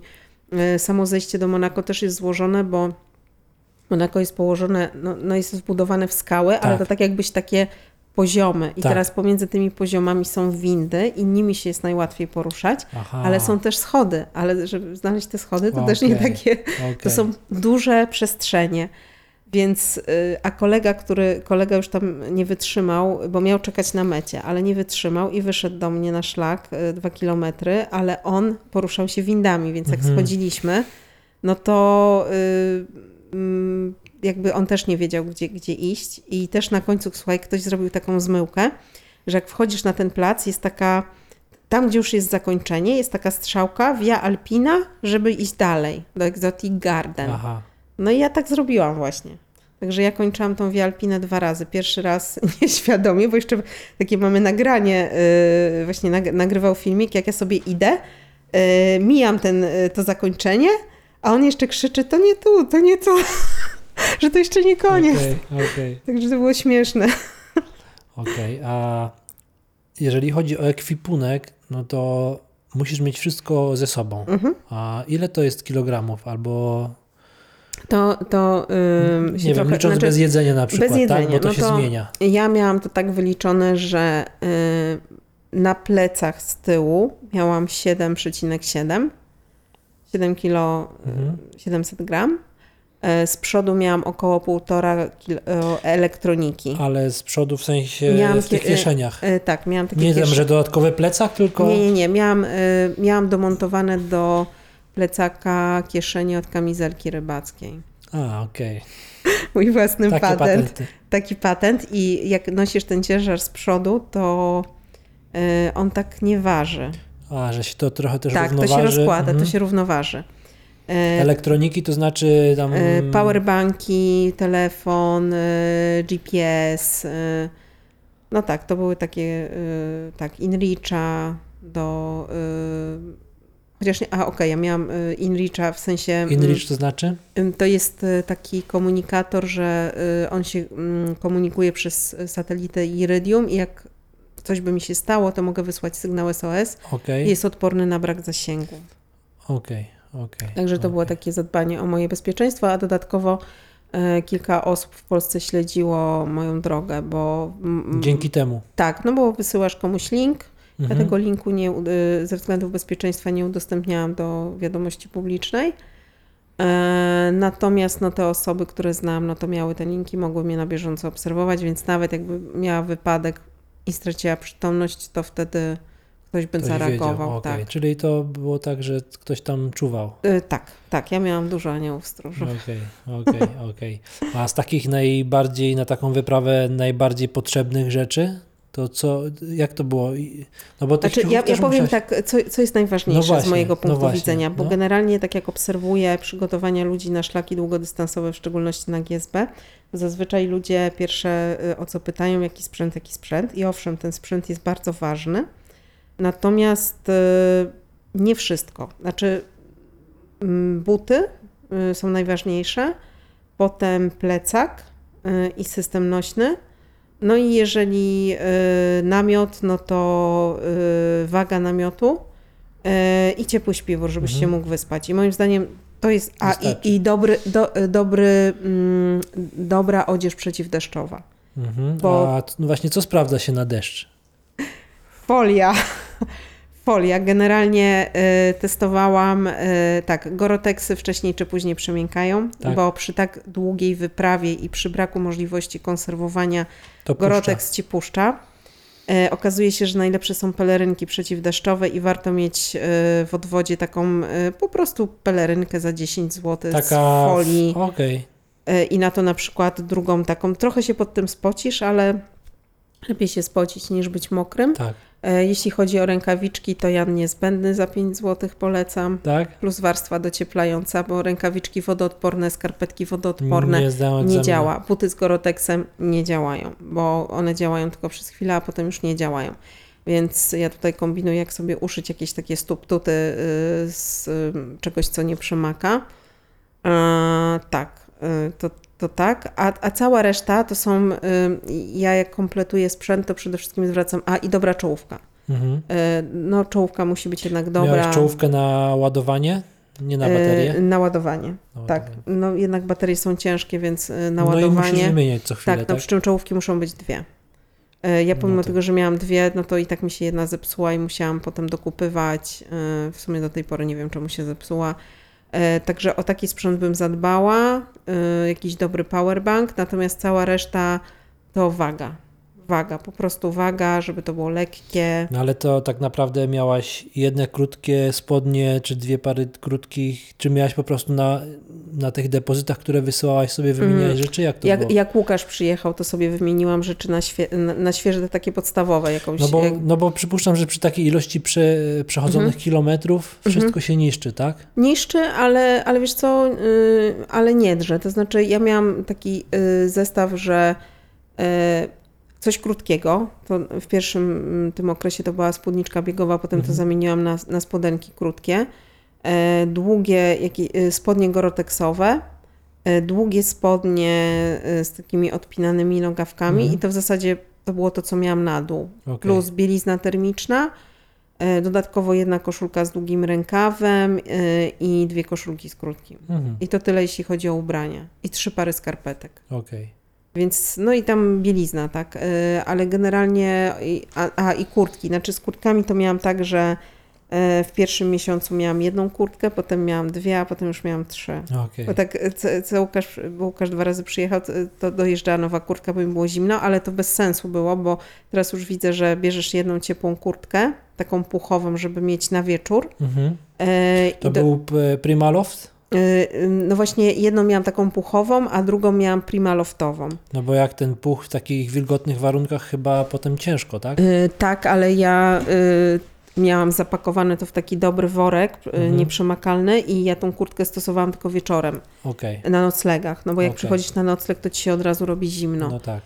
Więc chodziło o to, żeby mieć wieczorem tą warstwę docieplającą, a w ciągu dnia no to właśnie taki primalowcik i na te miesiące jesienne no to warto do tego dorzucić jakąś kamizelkę, ale na pewno, no, no ja miałam za dużo tych kurtek, tylko po Mhm, prostu jakoś mhm, to mhm. wychodziło, wiesz, w praniu, tak, że Miałeś 7,5 kg razem z plecakiem? tak, To- plecak ważył kilo, e, waży tysi- e, 1060 To gram. tak naprawdę niewiele chyba, co? Jak tak analizuję Wiesz i tak co, się to jest stosunkowo niewiele, ale ja jeszcze kombinuję, żeby jednak zejść z wagi, bo Hmm. ja miałam ciężki śpiwór, ja miałam kilo 200 i teraz Okej. też już mam jakiś swój pomysł, tylko to już y, muszę się zwrócić do jakiejś firmy, żeby mi uszyła, bo mam taki pomysł na kurtko-śpiwór. Mhm. Taką hybrydę To wymyśliłam. jest jedna firma w Bielsku nawet. Wiem, nawet blisko mnie. Tak, z tego co kojarzę. 300 co... metrów. Tak, tak. I zamierzam się do nich udać, I bo oni chyba robią, nie wiem czy takie, Znaczy, ale a- myślę, że tam są... o, oni szyją na Ja zamówienie miałem kiedyś rzeczy. taką, zresztą możemy powiedzieć, bo Mhm. ja miałem kiedyś taką sytuację, bo mówimy o firmie Pajak, tak? Mhm. E, Miałem kiedyś sytuację, że mm, pióro mi wyszło z mojej kurtki i chciałem, nie wiedziałem jak to załatać, zakleić, więc wziąłem tą kurtkę, pojechałem do Bielska i wydaje mi się, nie jestem pewien na 100%, ale sam szef tej firmy, Mhm. On mnie obsłużył, przykleił mi taką łatkę, więc ja byłem mega zaskoczony, że to nie było, a dobrze, zostawi pan kurtkę, Mhm. odeślemy, albo pan przyjedzie za tydzień, tylko to było na zasadzie jakbym, nie wiem, Od razu. tak, jakbym przyszedł do sklepu, chciał coś kupić, on, on Mhm. mi to wydał i ja byłem mega miło zaskoczony, że była taka obsługa taka życiowa, że tak Mhm. powiem, nie? Więc Mhm. myślę, że tam jak udasz się do nich, to jeżeli cała firma ma takie podejście jak wtedy przy obsłudze, gdzie tak naprawdę przyszedłem z ulicy, Mhm. no to myślę, że to, to się uda, nie? Jeżeli No. będziesz miał jakiś tam projekt tego albo w głowie, to... Znaczy ja na razie mam w głowie, jeszcze nie wiem, czy to się sprawdzi, ale myślę, że się sprawdzi. Yy, Bo, bo o co chodzi? Żeby mieć wieczorem komfort cieplny i ogólnie y, zmniejszyć wagę śpiwór plus kurtka Mhm, puchowa. mhm, Czyli de facto chcę mieć taki, y, takie coś, co będzie jednocześnie i kurtką i śpiworem. Okej. Albo takie spodnie dopinane. Nie, ja wymyśliłam, y, to zdradzę swój sekret, y, żeby mieć y, takie wdzianko, że to jest taka kurtka, ale z, z takimi rękawkami dotąd Okej, i z krótkimi spodenkami. okej. A do tego mieć taki cieniusieńki śpiworek, Mhm. no bo w nogi może być ci zimno, to Mhm. nie jest problem. To można, wiesz, do, tam jakąś folię NRC Mhm, albo mhm, włożyć nogi w mhm. plecak. Jakby de facto mam, tutaj ma być ciepło. Mhm. A to, co jest na dole, to co sobie da radę, Okej, sobie okej, przeżyje. okej. E, I tak sobie wymyśliłam. I wtedy bym zaoszczędziła, bo też chodzi o funkcjonalność, bo jak wieczorem siedzisz w namiocie i jesz, no to w śpiworze jest słabo, no tak? tak? Bo No tak. Mu- nie ma jak, no, bo tak. albo się zawiniesz tutaj, wtedy górę masz odsłoniętą, a tak to jak założysz taką kurteczkę, no to jesteś osłonięty od razu, tak? I to byłoby takie, No tak, no rzeczywiście. Jeszcze nie wiem, no, taki mój, a wracając do sprzętu, bo teraz mi tak Mhm. wpadło do głowy, to miałeś jedne buty na nogach, ale miałeś zapasowe, jakby coś się stało? Czyli miałeś Nie. jedne buty, jak widziałeś, że tam coś pęka, to już, czy jak to wyglądało? e, miałam w depozytach. E, Miałam pierwsze dwa depozyty, sama sobie wysyłałam na trasę. E, Trzecie buty przywiózł mi Łukasz, a czwarte kupiłam. Znaczy czwartych nie zakładałam, ale te trzecie się rozpadły. Czyli wszystkie te pary, które wymieniłaś, były do wyrzucenia? Tak. Zjechane do zera? E, Pierwsze dwie pary to były buty biegowe i w butach biegowych to już wiem, że w momencie, kiedy idziesz z plecakiem, starcza ci to na 600 km. Tak, mówimy o bezpieczeństwie. tak. Bo Pireneje przeszłam e, w jednych butach 850 km, ale Mhm. skończyło się tak, że były sklejane na power tape'a, a Mhm. bieżnika już nie było. E, no i Pireneje są jednak łatwiejsze. E, Nie ma tak trudnego terenu. Łatwiejsze, a nie są stromsze? Mm, Nie wiem, nie byłem, ale- Wiesz co, przede wszystkim w Pirenejach nie masz, przynajmniej na tej trasie, co ja szłam, bo ja szłam na GR11, nie masz tylu zabezpieczeń. Mhm.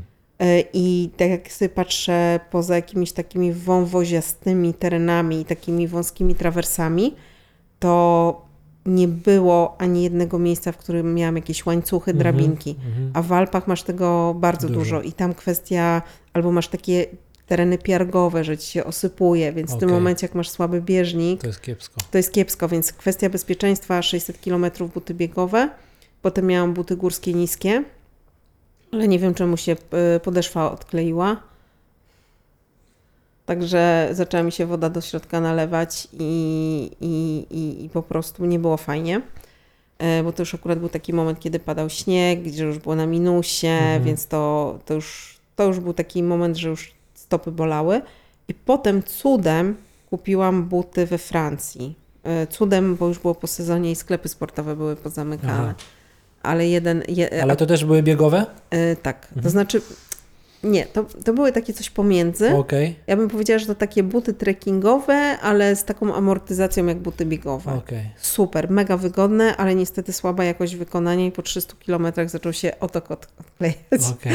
Także z butami jest tak, że no, y, ale no mam na razie jak już tam, s- jakieś tam swoje typy, które mi się w miarę sprawdzają i myślę, że dalej też będę te buty biegowe Ale stosować. analizując to buty biegowe jednak, co? Tak, yy, tak. Wytrzymują najwięcej, najwygodniejsze. Wi- ym, dobra amortyzacja.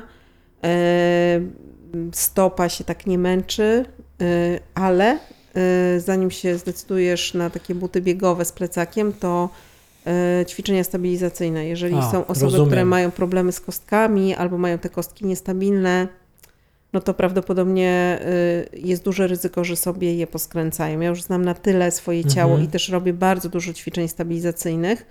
I też dużo chodzę tak naprawdę z plecakiem w niskich butach, że już mój organizm jest w stanie e, sobie z tym poradzić, Mhm. tak? I że nawet jak tam czasami gdzieś mi się ta kostka wykręci, to, to jakby nie kończy się to żadną Tak, kontuzją. tak, rozumiem. nie ma z tym problemu. A właśnie przez te trzy miesiące, bo to też miałem o to zapytać, e, miałaś kontuzję albo choroby? Nie, w ogóle. Jedyne co to miałam taką, ale to był taki bardziej uraz mechaniczny, yy, wykręciło mi się kolano trochę, to znaczy wykręciło. Po prostu skoczyłam Mhm. yy, i Uciekło. był teren niestabilny. i Myślałam, że sobie pozrywałam więzadła, O, e, bo to był taki ból dosyć duży, ale dwa dni pochodziłam z bandażem i przeszło. Okej. Także nawet, co ciekawe, bo o kolana się naj, y, najbardziej Mhm. obawiałam, y, to y, miałam opaski takie y, wzmacniające, ale- mhm. tak, ale ani razu ich nie użyłam. Okej. Żadnych, wiesz, żadnego tejpowania. y, Wiele osób mi radziło, żeby właśnie się nauczyć tejpowania, ale ja sobie radziłam tak, że jak czułam, że jest jakieś spięcie w organizmie, znaczy w mięśniach, to rolowałam. Miałaś rolkę. Tak. Okej, okej. Tak, miałam Rolowałaś rolkę. się codziennie? Prawie codziennie. O. Wieczorem e, starałam się e, rolować, a potem e, jak już zaczęłam robić takie te kilometraże większe, albo było więcej przewyższeń, bo Mhm. wtedy jak, jak masz dużo przewyższeń, to najbardziej dostaje taśma tylna. Nie- Tak, Właśnie nie czwórki, tylko taśma Ale tylna. mówisz na podejściu. Na, po, na podejściu, Mhm. tak. Y, I no, No tak, to bo było jesteś pochylona, ciężki i, plecak, po, i tak, pośladek, tak. I, I rzeczywiście zac, zac, zaczęło się tam gdzieś jakieś spięcie, ale już znam na tyle swój organizm, że wystarczy to po prostu rozrolować i Okej. to schodzi, tak. Okej. Więc y, ja sobie w ten sposób radziłam. Także żadnych takich kontuzji, nawet właśnie się zdziwiłam, że te kolana mi wytrzymały. Nie miałam żadnych ból, ból znaczy przez pierwszy tydzień się pojawiają takie rzeczy jak bóle stawów Tak, i tak, tak, dalej, tak, ale to jest tak. normalne, no bo nie chodzisz, nie da się, wiesz, nie robisz treningu z plecakiem przez y, maksymalny trening z plecakiem, który robiłam, to był dwa dni pod rząd, tak? Mhm. Więc to jest normalne, że ten pierwszy tydzień musisz Tak. trochę się pogodzić z tym bólem, ale potem się adoptujesz. Tak, je- jest, jest coś w tym. Nawet jak, e, nie wiem, kończę jeden sezon, przerwa dwutygodniowa, Mhm. zaczynam, pierwsze lekkie treningi, jakieś stany zapalne w kolanach, jakieś Mhm. takie i to jest rzeczywiście, teraz sobie przypomniałem, że jest, jest tak, że te, tak organizm dziwnie się rozleniwia, nie? Bardzo szybko. Bardzo szybko się rozleniwia. I też tak ja widzę, że nawet y, w tym całym treningu to, to nawet nie chodzi tyle o ten trening wydolnościowy, bardziej chodzi o tą adaptację naszego układu ruchu, tak, żeby te więzadła, stawy y, przygotować na to obciążenie, które gdzieś tam będzie na Mhm. tym szlaku długodystansowym. Więcej było deszczowych dni, Dużo było. dużo więcej niż takich Y, e, Powiedziałabym pogodnych? pół na pół. Mhm. pół na pół y, albo 60 na 40, bo y, praktycznie jak ja zaczęłam 10 lipca, to y, y, słone- Zaczynałaś w, od ładnej pogody, a kończyłaś w średniej. pierwsze 200 kilometrów miałam nawet niecałe. Pierwsze trzy dni to miałam upalne, a Mhm. potem już zaczęłam wchodzić w jakieś takie rejony burzowe Mhm. E, i potem cały lipiec padało. Praktycznie codziennie była burza i to najlepsze było to, że nigdy nie wiedziałaś o której mm, godzinie Tak. strzeli. To nie było tak, że Ale to... to było już, że widziałaś, czy to był taki, że odwracasz się, patrzysz, a tu chmura? Y, Generalnie y, na początku to było tak, że jak tylko się gdzieś pojawiła jakaś chmurka, to robiłam stop, szczególnie jak już wychodziłam powyżej 2000 metrów, ale bardzo szybko zmodyfikowałam ten plan, bo inaczej bym nigdzie nie doszła. I potem było tak, że szłam i wiesz, obserwowałam chmury, ale y, w górach jest tak, że ta burza się pojawia nagle. To jest A, tak, a że masz rozpoznajesz, z których chmury jest deszcz, Tak. a z której nie? Tak, że to tak, mówisz, to dobra, ta więcej chmura tak. to jest okej, to nie muszę wyciągać jeszcze kurtki? Y, tak, tak. Y, Tutaj to nawet nie chodziło o kurtkę, tutaj bardziej chodziło o to, czy, ym, czy rozbijać namiot, czy nie rozbijać Aha. namiotu, bo jak gdzieś tam byłam wyżej w górach, powyżej 2000, no to bardziej chodziło o to, żeby się ochronić od tej nagłej ulewy i odizolować od y, podłoża. Żeby w razie czego, jak ten piorun strzeli, no to żeby ci jednak tam nie, nie żeby ci się nic nie to jak, stało. jak izolowałaś? No, jeżeli będziesz w namiocie, usiądziesz na plecaku, A, okej, w ten sposób. Okej. Generalnie chodzi o to, żeby nie dotykać skały, nie dotykać Okej. elementów metalowych e, i nie siedzieć na, na trawie, tak, w ten sposób, bezpośrednio. bezpośrednio. Także, no, było dużo przygód. Potem w sierpniu się trochę zaczęło rozpogadzać. Najładniejszą pogodę miałam na początku, tak do połowy września. To Mhm. było tak, że było cudownie słonecznie, akurat wtedy byłam w Szwajcarii. Aha, E, No a potem e, już pod koniec września i październik to znowu się już zaczęły pojawiać e, burze, nawet do tego stopnia, że raz dorwała mnie burza o 19 w nocy.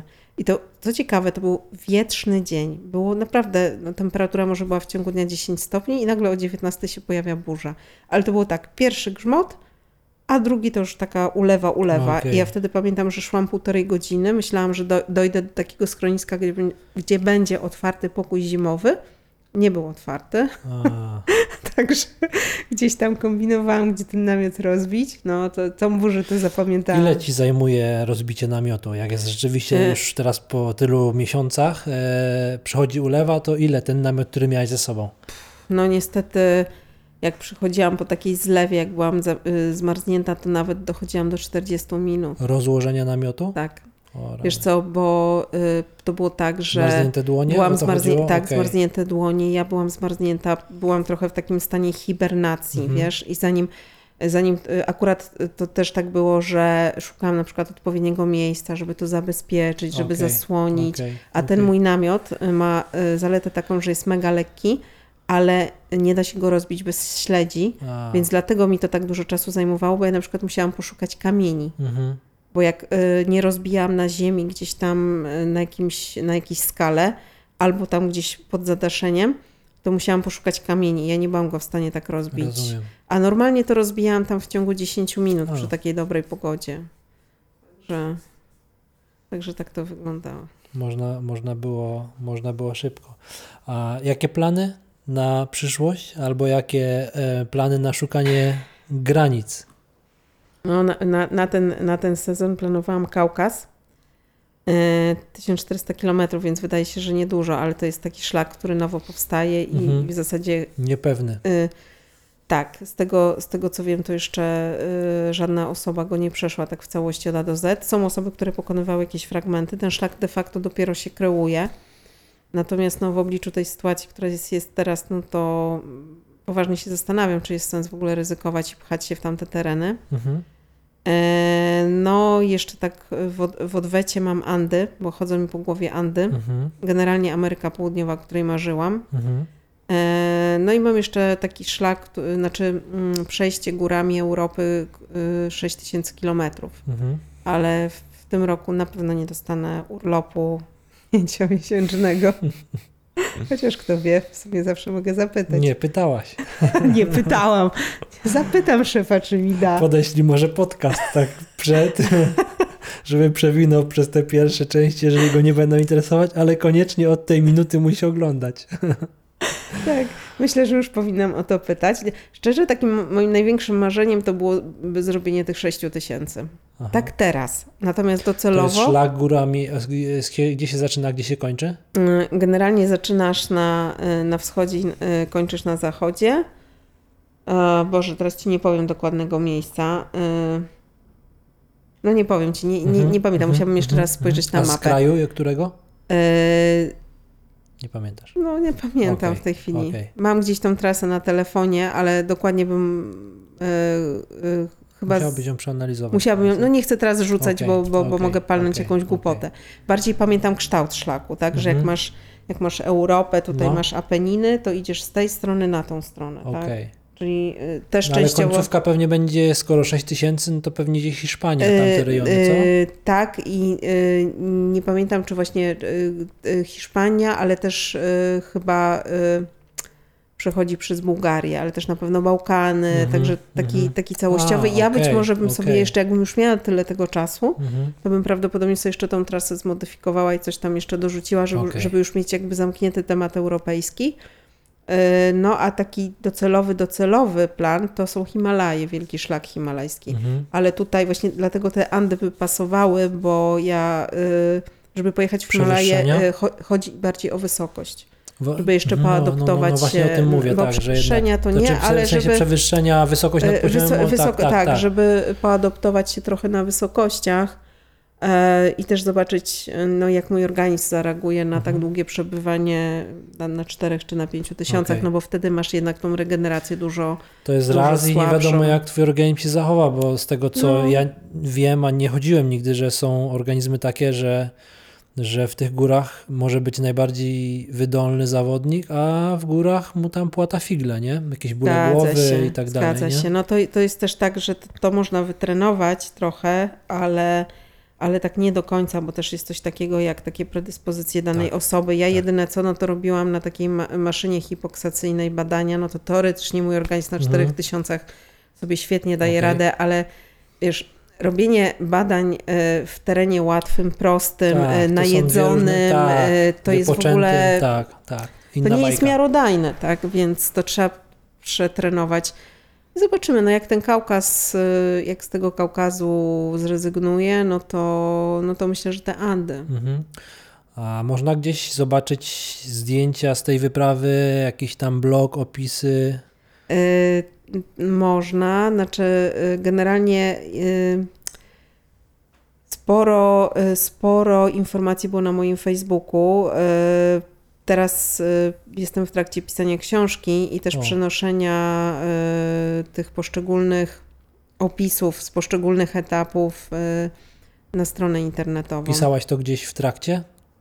Pisałam w trakcie, tak. Na początku to nawet pisałam codziennie, ale potem nie miałam już na to czasu, więc te relacje się pojawiały rzadziej. Natomiast też mam nagrania na telefonie i to jest taki mój materiał A, do książki, żeby to okej, wszystko okej. udokumentować, bo to też będzie taka pamiątka dla mnie. E, No i zdjęcia też głównie na mojej stronie internetowej, ale też e, były artykuły e, niedawno w, górach, więc tam są fajne zdjęcia, bo to są zdjęcia Piotrka Dymusa, który też tam przyjechał na chwilę. I w King Runner Ultra. Także to są takie dwa miejsca, gdzie te zdjęcia Mhm, można tak mhm. zobaczyć, ładnie wydrukowane, dobre jakościowo. No i teraz jeszcze ma powstać film. No plan jest taki, żeby on się zrealizował do końca marca. Zobaczymy, co z tego Film planu wyjdzie. dłuższy? Około godzinny. O, super. Zależało mi, po, po GSB miałam coś takiego, że właśnie nie miałam żadnej pamiątki, nie miałam Mhm, ani dobrych mhm, zdjęć, ani mhm. dobrego filmu. A jak jesteś na takiej wyprawie przez trzy miesiące, nie jesteś, nie masz czasu, żeby samemu zrobić dobry materiał. Em, Potrzebowałabym tak około czterech miesięcy, jeżeli sama miałabym kręcić materiał. Em, No i dlatego się zdecydowałam jednak na taką formę, żeby ktoś przyjechał i to Super. zrobił. No bo ja teraz y, przede wszystkim robię, znaczy jedna rzecz, y, no to są cele marketingowe, wiadomo, no to jest jednak jakaś tam inwestycja, ale też dla mnie, żeby zobaczyć, jak ja, co tam się wydarzyło, jak ja wyglądałam, Tak, no bo z tego, co opowiadasz, z tego, się z tego co działo. opowiadasz, to, to, to jest dużo ciekawych Dużo. historii.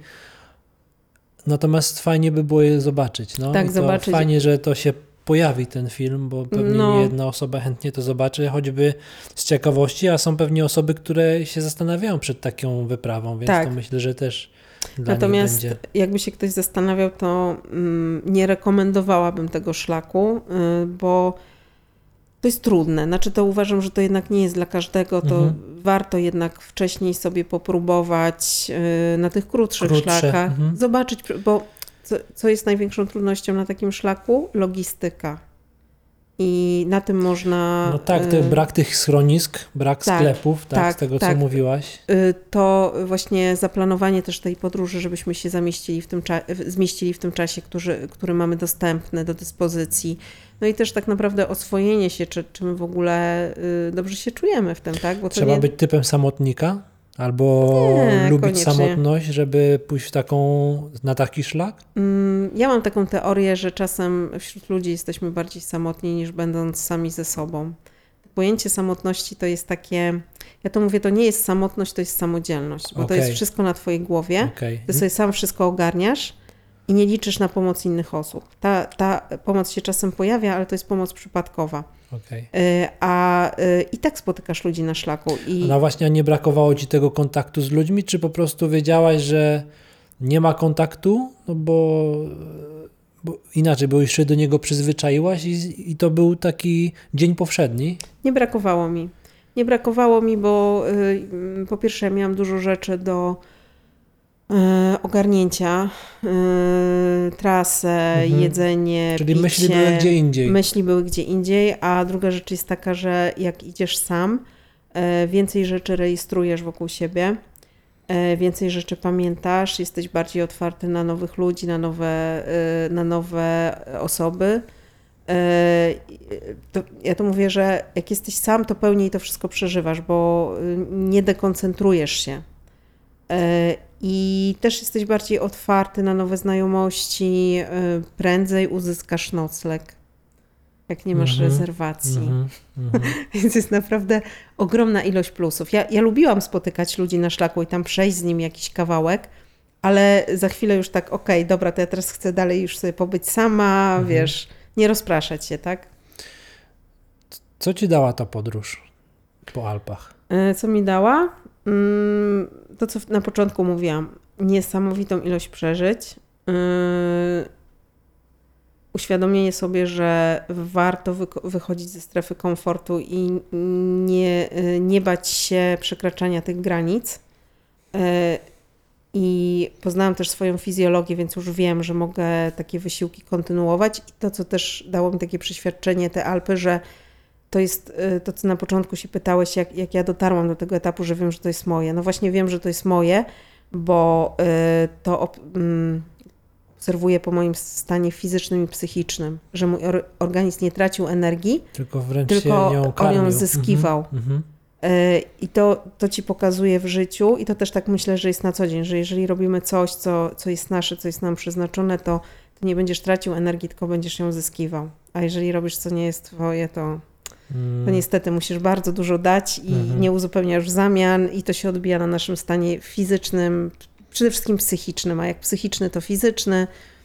I to, to jest bardzo często tak, jak na przykład robimy, pracujemy tam, gdzie, gdzie nie chcemy, a, a, a tak wyszło, bo musimy, bo coś tam, bo jakieś bo się uwarunkowania boimy zewnętrzne. zmian, a tu już mamy tą Albo, pracę. albo bo się tak. boimy, albo tak, się boimy tak. zmian, tak? Bo wolimy, wolimy siedzieć w jakimś czymś, co nam nie, nie odpowiada, ale to znamy, a boimy się wyjść e, do czegoś nowego. Często Super. tak jest. Dorota, bardzo Ci dziękuję, że mnie zabrałaś przynajmniej na chwilę w tą podróż. Ja dziękuję za rozmowę. Czekam, czekam na książkę, czekam na film, bo chętnie to zobaczę i jakby zobaczę to oczami, nie tylko wyobraźni. E, fajnie, że poruszyliśmy trochę takich tematów e, mentalnych, bo to mi się wydaje, że e, ludziom, którzy gdzieś tam poszukują swojej drogi, którzy boją się zmian, myślę, że im to dużo da, więc dziękuję, że przyjęłaś zaproszenie i, i, i poświęciłaś ten czas. Dziękuję bardzo. Dzięki.